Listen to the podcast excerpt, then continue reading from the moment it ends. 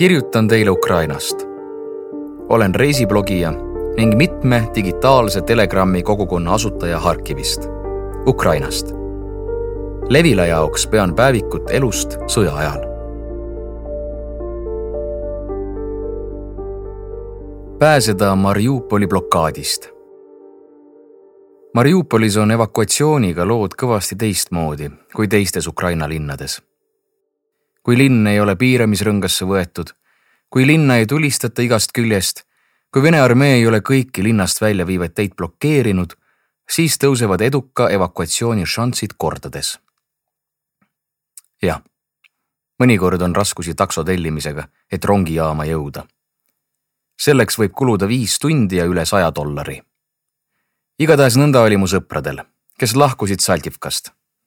see on Harkivi piirkond mida pidevalt tulistati ja seetõttu ei tahtnud sinna eriti keegi sõita. või kui, siis ainult röögatu summa eest. Harkivist sai evakueeruda rongiga.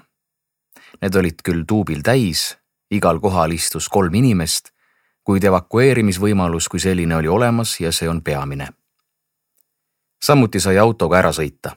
jah, autot oli raske leida. jah, saja viiekümne kilomeetri kaugusele Poltavasse jõudmiseks kulus vähemalt kuus tundi, kuid võimalus oli iseenesest olemas ja tegutsemise algoritm arusaadav. vabatahtlikud organiseerisid busse, mis olid evakuatsioonil regulaarselt abiks ning Ukraina raudteesaidilt sai vaadata evakuatsioonirongide sõiduplaane. sellised võimalused on tsiviilelanikel olemas, kui linn on osaliselt blokeeritud, kuid mitte rõngasse haaratud Mariupolis on kõik sootuks teistmoodi. kõik on palju-palju jubedam. kui sul ei ole mobiilsidet, internetti ega ametlikke rohelisi koridore, kui need olidki, polnud neist võimalik normaalselt teada saada, siis sellistel hetkedel liigub teave kuulujuttudena. Nastja rääkis, et ühel päeval levis Kumu peatselt tulevatest bussidest, millega saab evakueeruda inimesed käisid mitu päeva järjest Draamateatri juures ja ootasid tundide viisi busse, mis neid ära päästaksid. kuid busse ei tulnud ega tulnud. mõne päeva möödudes õnnestus Nastjal levialasse sattuda ja kirjutada sõpradele. oleme elus.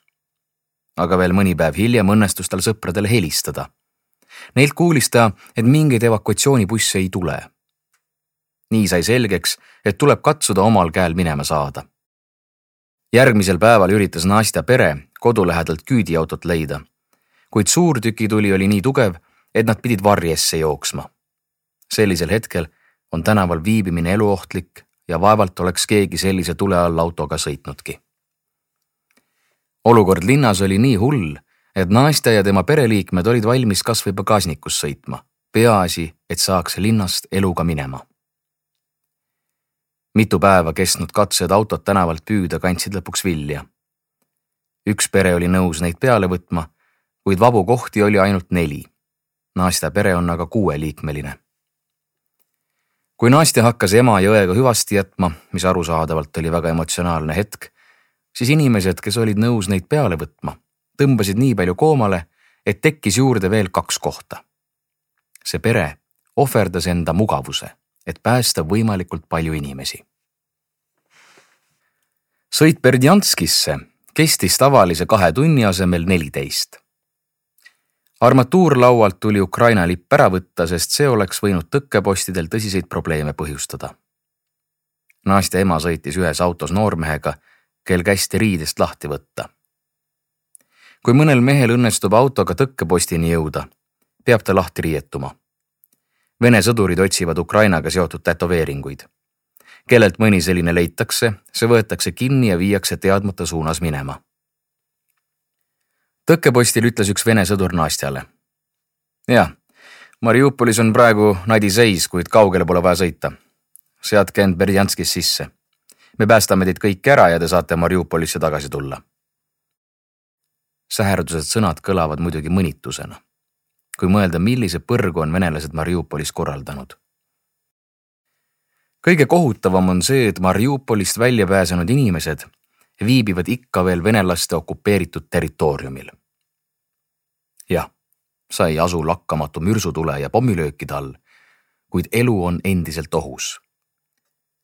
okupeeritud Berdjanskis pidi Nastja magama eeslinna koolis, mis oli muudetud põgenike ulualuseks.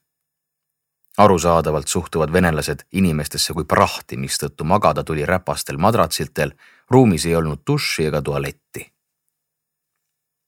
hommikul kuulis Nastja Zaporožesse suunduvatest evakuatsioonibussidest. kokku oli viis bussi, mis meenutasid Titanicu päästepaate. viiekümne inimese asemel trügis ühesse sada bussidesse läksid nii rinnalastega emad ja vanurid kui ka täisjõus mehed. Kümne tunniga õnnestus bussidel läbida sada viiskümmend kilomeetrit. Vassilivka linna kõrval selgus, et eespool on sild küll terve, kuid tee mineeritud.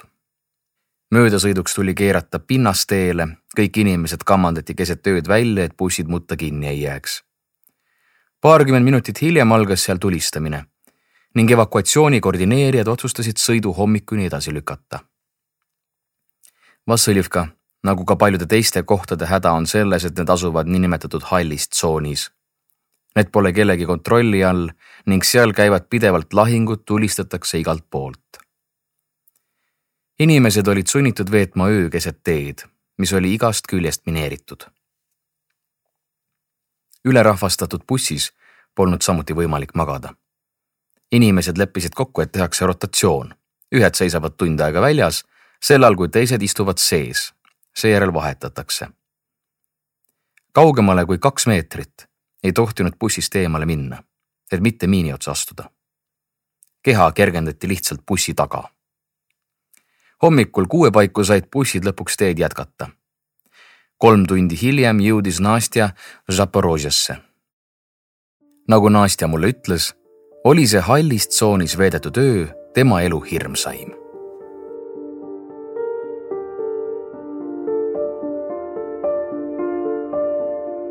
Autor Taras Kovaltšuk, tõlkija Veronika Einberg, toimetaja Iisa Laan. audiolugu loeb Karmo Nigula. salvestus, helikujundus, originaalmuusika Konstantin Sõbulevski Levila kaks tuhat kakskümmend kaks